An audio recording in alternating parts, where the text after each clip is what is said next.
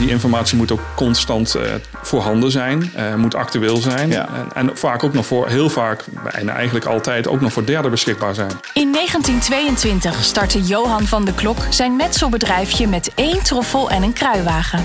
Sindsdien groeide het in Nijmegen gevestigde familiebedrijf uit tot een allround bouwonderneming, de Klokgroep.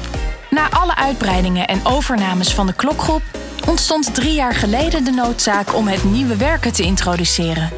De onderlinge communicatie op kantoor en de bouwplaats moest beter. Net als de bereikbaarheid voor de talloze onderaannemers en toeleveranciers en de klanten. Joris Scheutjes is binnen de klokgroep verantwoordelijk voor het inrichten van deze digitale, bij voorkeur papierloze werkplek. Een flinke klus, waarbij de winst niet alleen onderaan de streep terechtkomt. U luistert naar Samen Digitaal Vooruit, een podcast van NRC XTR in opdracht van Vodafone Business. Presentatie Frank Dumos. De bouw is een wereld van smalle marges, complexe processen en grote risico's, weet Joris Scheutjes als IT-manager van de Klokgroep. De kans om efficiënter te gaan werken pakten ze drie jaar geleden dan ook met beide handen aan. Toen het bedrijf naar een nieuw kantoor verhuisde, werd meteen een nieuwe manier van werken geïntroduceerd. Losser, flexibeler en projectmatig, met een stevige ICT-infrastructuur als basis. Vandaag gaan we het met Joris hebben over hoe je die basis beter kan benutten en wat erbij komt kijken als je wilt dat een digitale werkplek ook werkelijk werkt. Joris, van harte welkom. Dankjewel. Jullie hebben drie jaar geleden het nieuwe werken geïntroduceerd. Nou zijn er heel veel opvattingen over wat het nieuwe werken nou precies inhoudt. Wat is het voor jou? Uh, voor mij betekent het vooral dat mijn collega's kunnen werken waar ze willen, uh, op de manier zoals ze willen en wanneer het hun uitkomt. Dat is een grote verandering ten opzichte van wat we traditioneel hadden. Totale flexibiliteit. Ja, en dat zijn we ook wel een beetje gewend, omdat we natuurlijk ook heel veel met bouwplaatsen werken die veelal flexibel dienen te zijn, omdat ze her en der in het land uh, steeds voor tijdelijk worden neergezet. Waar kwam die wens vandaan om zo te gaan werken? Nou, die wens kwam eigenlijk vanuit uh, dat we naar een nieuw pand moesten en we eigenlijk wel om moesten gaan. En wij eigenlijk als bedrijf heel erg projectmatig werken. Dus wij zitten vaak dat mensen bij elkaar moeten gaan zitten van verschillende disciplines. Uh, die zetten we dan bij elkaar. Uh, en dat was voorheen altijd lastig als je met vaste werkplekken uh, functioneert. En nu hebben we dat omgezet, dus dat mensen veelal bij elkaar kunnen zitten van verschillende disciplines. En daar kwam dat flexwerken eigenlijk uit voort. En dat was een grote wens in ons nieuwe pand die we drie jaar geleden hebben gebouwd en waar we in zitten. Het kostenaspect? Kostenaspect uh, ook, denk ik. dat heb ik niet helemaal op, op vizier, want dat is echt meer financieel. Maar dat zal zeker meewegen, omdat natuurlijk veel mensen flexibeler zijn, makkelijker inzetbaar. En, en, waardoor je veel makkelijker snel kunt schakelen als er behoefte is aan meer of minder mensen op kantoor of op een andere plek waar ja. nodig. In jouw wereld is het woord faalkosten een begrip. Wat is dat? Nou, faalkosten is om te voorkomen dat je dus um, uh, eigenlijk een, bij ons in de bouw is het natuurlijk als er iets fout gaat, gaat het ook echt heel erg fout. En zeker als het bij de fundering gebeurt, dan heb je natuurlijk met een enorm probleem te maken. Probeer dat maar weer te herstellen. Dus wij moeten die faalkosten zo laag mogelijk houden. Geef eens een voorbeeld van dat falen. Nou, het falen kan zijn dus dat je de verkeerde materialen krijgt aangeleverd op het verkeerde moment. En dan heb je dus een serieus probleem. Want ja, dan sta je daar wel uh, dat beton aankomt, maar je bent nog niet klaar om het beton te storten. Dan heb je een probleem. Je hebt het over drie factoren. Waar, wanneer, wat precies uh, en hoeveel. Ja, dat zijn vaak... Dat kan allemaal fout gaan. Dat kan allemaal fout gaan, ja. En daarvoor is communicatie dus ontzettend belangrijk. Digitale communicatie. Absoluut, ja. En waarom is het zo belangrijk om aan die faalkosten wat te doen? Nou, daarmee kunnen wij dus de slagkrachten behouden en blijven we als bedrijf ook eh, ja, competitief tegenover onze concurrenten. Dat is voor ons echt heel erg belangrijk. Want eh, wij moeten het onderscheid maken en dat zit vooral ook in de prijs. Veelal, daar wordt naar gekeken. Zeker door de particuliere koper. Lage marges. Dus. Lage marges. Eh, als we alle kosten gaan doorbelasten, dan gaat de prijs gewoon enorm omhoog. Dus wij moeten gewoon uh, snel en efficiënt en goedkoop maar vooral ook goed kunnen bouwen. En ja. met een hoog kwaliteitsniveau. Want een klein beetje digitale miscommunicatie kan zomaar je hele marge opeten. Dat zou uh, zo uh, kunnen, ja. ja. Hoe groot is uh, de rol van de IT nou in die transitie naar het nieuwe werken? Ja, groot. Um, maar wel beperkt, maar meer op het technisch vlak. Want de, de transitie doe je met de mensen. En dat hebben wij wel geleerd. Dus je moet de mensen, echt je collega's, die moet je erbij betrekken. Je moet, wij noemen dat ambassadeurs of kerngebruikers toewijzen binnen het bedrijf die jou helpen om hun proces te vertalen wat dat betekent voor IT. Ja, dat betekent dat je eerste mensen in kaart brengt die het meest geneigd zijn om die verandering te omarmen. Exact, ja. Daarmee ga je aan de slag. Ja. Die, laat je, die laten zien aan de rest dat het goed werkt. En zo krijg je de organisatie mee. Ja, en zo krijg je ook hele waardevolle uh, ja, feedback uh, terug om daar meer mee uit te halen, zeg maar. Om mensen nog beter te maken en nog efficiënter je processen. Uh, en ook waarschijnlijk nog valkuilen boven water te krijgen die, waar je van eerst het bestaan niet eens wist. Ja, maar de, de klant, hè, de eindgebruiker, dus, dus de, de huizenkoper of de, de, de, de huurder, wat merkt hij nou uiteindelijk van dit hele proces? Uh, nou, die merken dat wij heel snel kunnen uh, realiseren. En dat wij weinig opleverpunten proberen te bereiken. Dus een nieuwe... Opleverpunten? Ja, dat is een. opleverpunten zijn de puntjes die nog na de realisatie van de bouw nog dienen afgewikkeld te worden. De puntjes die wel eens soms een hele lange lijst kunnen blijken te die zijn. ja, en die proberen we zo laag mogelijk te houden. want dat zorgt ook ons een hele hoop. bespaart ons kosten, nazorg, dat wil je niet. En je behoudt een hele goede naam. Ook bij je opdrachtgevers. Maar wat betekent dat nou? Want, want in die hele IT-ombouw, zeg maar, wat betekent dat in de praktijk? Geef eens een voorbeeld van hoe je dat nou kunt voorkomen, die opleverpunten. Nou, die opleverpunten voorkom je door um, ervoor te zorgen dat, dat uh, de, juiste, de juiste opties, bijvoorbeeld mensen geven opties door, ik wil een, eh, een dakkapel en de, de kozijnen moeten in de kleur groen geleverd worden. En als jij ze in de kleur rood levert, ja, dan heb je een opleverpunt, even heel zwart-wit gezien. Maar daar, daar moet je dus voor zorgen dat al die opties en de juiste informatie betreffende die mensen hebben gekozen, de kopers, dat die ja, ook daadwerkelijk uitgevoerd worden. Ik uh, wil jou een stelling voorleggen. Uh, het antwoord mag je nog heel even in je broekzak houden. Daar mag je wel even over nadenken over die stelling, dan komen we er zo meteen op terug. De stelling is deze. De bouw is uiteindelijk een sector van stenen stapelen. Digitalisering blijft daardoor altijd van ondergeschikt belang. Of optie 2. Wil de bouw echt vernieuwen, dan is digitaal werken de enige manier om de marges op peil te houden. Komen we zo terug. Laten we even inzoomen op uh, de ICT. Wat waren nou de belangrijkste technische uitdagingen in die hele ombouw van de organisatie? Het belangrijkste was dat, dat het in één keer moest. Uh, dus je had een, een bepaalde datum, daar, op dat moment moest je zeg maar om met z'n allen. En je moest uh, het traditionele uh, manier van werken die ze hadden, dat moest bij mensen eruit. Wij hadden het voordeel dat wij naar een nieuw pand gingen. Dus voor iedereen was het al van: oké, we gaan naar een nieuw pand. Daar hoort, dus alles was spannend en nieuw. Uh, en daar kwam dus het nieuwe werk in één keer bij. Dat was een, echt een heel groot voordeel. De, dat hebben een aantal andere bedrijven die deze transitie nog moeten maken of op het punt staan om die te gaan maken, die hebben dat misschien niet. Dus dat was wel een groot, ja, dat, dat was wel een, een belangrijk keerpunt. Dus dat je in één keer alles over kon zetten. Ja, adoptie was natuurlijk ook een groot issue. We hebben het net ja. een beetje over gehad. Ambassadeurs benoemen, dat was de manier om het voor elkaar te krijgen. Ik kan me ook voorstellen dat zeg maar, de, de, de, de, de connectiviteit, zorgen dat mensen elkaar op de bouwplaats, op allerlei andere plekken bereiken, um, een belangrijk onderdeel is van het IT-fundament. Ja, als je, dat is absoluut waar, want uh, zonder die connectiviteit uh, ja, heb je geen, geen communicatie met elkaar. Dus dat is een absolute must. En je ziet ook dat, uh, zeker op een bouw, uh, er worden grote bestanden gedeeld. Uh, een woning is zeer complex en er zitten grote bestanden bij. Dus qua hoeveelheid bestanden, maar ook qua grootte. Het zijn bij ons allemaal ook 3D-modellen. Dus die moeten allemaal qua data overgezet worden naar een bouwplaats. Nou, dat moet je op een goede manier voor elkaar krijgen. En je moet er ook nog voor zorgen dat mensen daadwerkelijk de laatste versie hebben van een bepaalde tekening. Niet dat een onderaannemer nog iets heeft gewijzigd wat cruciaal is, waar je, van, waar je geen weet van hebt. Dus dat zijn wel uh, versies of uh, ja, versiebeheer is daar een belangrijk uh, onderdeel van. Om in ieder geval voor te zorgen dat een werknemer op een bouwplaats ook daadwerkelijk weet dat hij op dat moment de laatste actuele tekening en of het bestek voor zich heeft. Ja. ja. maar dat betekent voor jou in jouw rol als eindverantwoordelijke voor de IT dat je ook goed moet kijken naar welke partners ga ik mee werken. Ja, dat uh, partners is een, absoluut een belangrijke keuze. En um, uh, die kiezen we ook heel zorgvuldig. Daar hebben we ook een goede selectie voor uh, uitgezet, uiteengezet. En we waren al, kende Vodafone natuurlijk al vanaf het begin, vanaf de mobiele telefonie. Uh, en daar is eigenlijk uh, nooit bij stilgestaan dat dan ook uh, de, de, kantoortelefonie, even het traditionele, de haak onder, de, onder, je, onder je schouderblad plaatsen en bellen, dat, dat, ja, dat, dat, dat hun ook daarin iets konden betekenen. Dus daarin hebben wij gezegd van laten we hun ook vragen. Hun doen mobiel telefonie al heel erg goed. Wat kunnen ze nog meer voor ons betekenen? Ja. En ze konden ons daar helemaal in helpen. Is het dan ook belangrijk dat uh, bedrijven in zo'n fase, de fase waarin nog heel veel uitgevonden en uitgedokterd moet worden, dat een, een, een leverancier voor jou zich ook meer als een partner opstelt?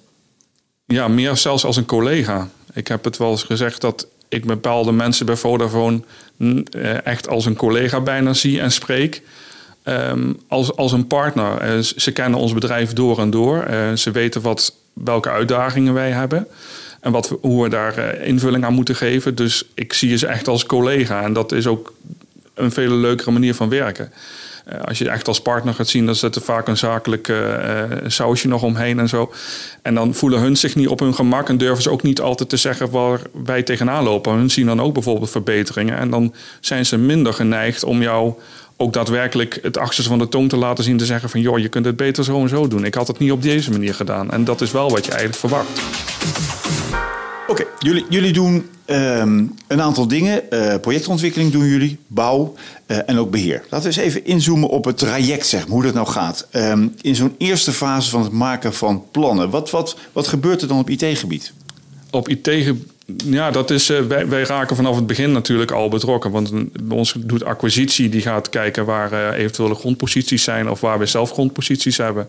Waar dan een project wordt ontwikkeld. Dan is er allerlei communicatie met gemeentes. Maar daar ligt eigenlijk alles al met vastlegging, uh, is heel erg belangrijk. Het zijn langdurige contracten met, waar grote sommen geld vaak bij uh, Maar dat betekent dat de verschillende partijen die in die fase van jullie uit daarbij betrokken zijn, ook over dezelfde informatie moeten beschikken? Exact. Op hetzelfde platform? Ja, kijken naar dezelfde versies. Ja, dus naar dezelfde documenten. En die moeten voor langere tijd ook beschikbaar zijn. Sommige trajecten zijn wel eens uh, vijf tot tien jaar worden, lopen die door. Uh, vanaf de, de, de, dat we ergens, het, ergens iets gaan realiseren tot het daadwerkelijke oplevering. En het beheer daarna nog. de zorg dragen dat het pand nog in onderhoud blijft. Dus dat kan vele jaren kan dat, gaan duren. Dus ja. over de, dat hele traject moet je goed in kaart hebben, ja. Dat betekent dat je over die panden ook die informatie op één plek moet hebben. Dus al die fasen, al die verschillende mensen vanuit verschillende rollen die daar op enig moment iets van moeten vinden, die moeten die informatie ook makkelijk kunnen zien. Juist. Uh, en die informatie moet ook constant uh, voorhanden zijn, uh, moet actueel zijn. Ja. En, en, vaak ook nog voor, heel vaak, en eigenlijk altijd ook nog voor derden beschikbaar zijn. Laten we even de tweede stap maken. Dan vervolgens gaat de schop in de grond. Jullie gaan bouwen. Wat gebeurt er op die IT-gebied op dat moment? Op IT-gebied is dat wij dan uh, bouwketen gaan ze dan neerzetten. Want uh, ja, er gaat een uitvoerder uh, zitten. Of ja, tegenwoordig heet dat realisatiemanager. En het eerste is een aansluiting op gasvezel? Nee, dat, is... dat wordt dan lastig, want dat is er niet. dus dan gaan we op mobiele manier gaan we communiceren. Zetten we van die kastjes neer met een antenne op de bouwketen. en daarmee wordt zeg maar een mobiele verbinding op, op touw gezet met kantoor. Uh, zodat ze in ieder geval alle informatie uh, tot hun beschikking hebben op de bouwplaats. En moeten jullie blij zijn dat 5G er is? Daar zijn we daar wel heel blij mee, ja. ja. Dat die enorme hoeveelheid data die op en neer gaat. Ja, dat is dadelijk echt wel een genot. Uh, het zal echt wel een hele verbetering zijn. Want een werkplaats tegenwoordig, dat is dus gewoon in feite één groot IT-kantoor tegenwoordig. Ja, dat is eigenlijk gewoon een, een verlengstuk van je kantoor. Uh, we hebben bouwplaatsen waar we wel een vaste aansluiting, omdat er net zoveel mensen zitten om een klein kantoor, zeg maar. Uh, in, in, Arnhem hebben een heel groot pand, het oude ING-kantoor. Daar zijn we aan het, uh, helemaal aan het verbouwen naar woonappartementen, wooneenheden. En dat is een, en dat is een project van uh, twee, drie jaar. Naar alle waarschijnlijkheid zitten we daar nogal een enige tijd. En daar hebben we gewoon een, een, zeker een tiental tot vijftiental collega's continu nemen daar plaats. Die gaan daar iedere dag naartoe, net zoals ze naar kantoor zouden gaan. In die fase heb je ook te maken met mensen die op enig moment in zo'n project een huis kopen. wat voor communicatie vindt er dan plaats? Op wat voor manier kunnen mensen keuzes of andere dingen doorgeven? Wij maken gebruik van, van onze websites, uiteraard. De, we hebben projectwebsites waar mensen kunnen inschrijven op een project en hun interesse aangeven. Dat is de eerste fase. En daar worden de, zogenoemde de, de leads uitgehaald. En dan worden mensen benaderd van, goh, kom bij ons een woning kopen. Leuk dat u bij ons een woning wil kopen. De en, mensen die echt serieus geïnteresseerd, die serieus geïnteresseerd zijn. Dan moet er een schifting gemaakt worden van, zijn ze ook daadwerkelijk financieel uh, krachtig genoeg om een woning te kunnen kopen? Ja. Want dat is ook maar stel dat het allemaal op groen staat. Mensen hebben de beslissing genomen, ze kopen een huis en dan? Dan uh, worden ze meegenomen in het traject. We hebben daar een, uh, een, traject, bedoelen wij, van uh, mensen moeten er allerlei opties doorgeven. Een keuken, badkamer. En dat moet ook naar hun blijven, moeten we dat blijven communiceren. Wij gaan dat nu doen met home control.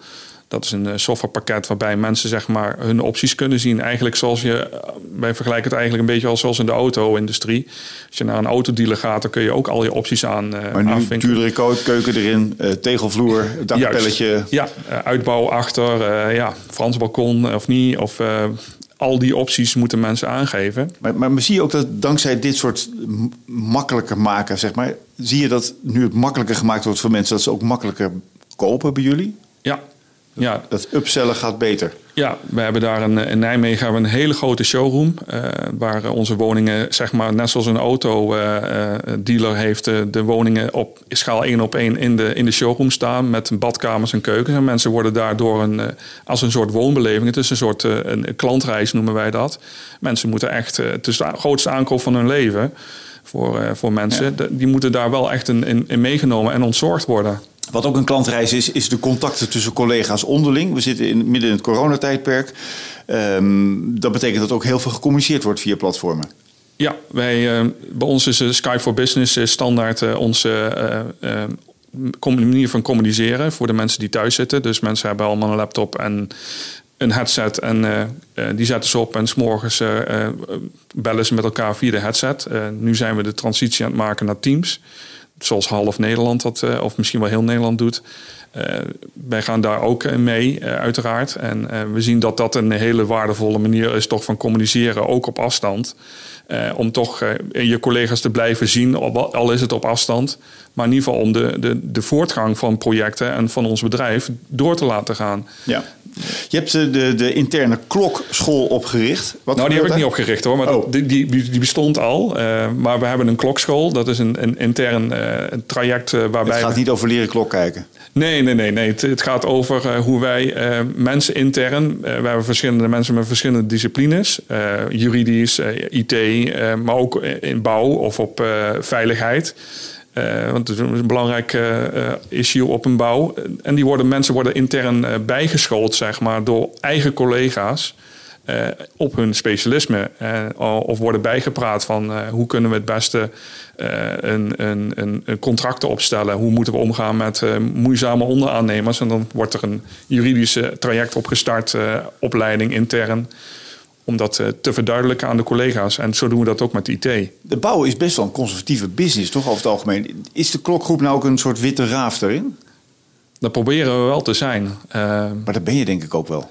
We waren dat. Eh, we waren wel echt een. een, een, een we zijn een, een witte raaf. Daar bedoel je mee dat wij. Voorloper? Ja, voorloper. we zijn nu wel een voorloper. Dat ja. zeker. Ja. Betekent dat jullie ook aantrekkelijker zijn als werkgever daardoor?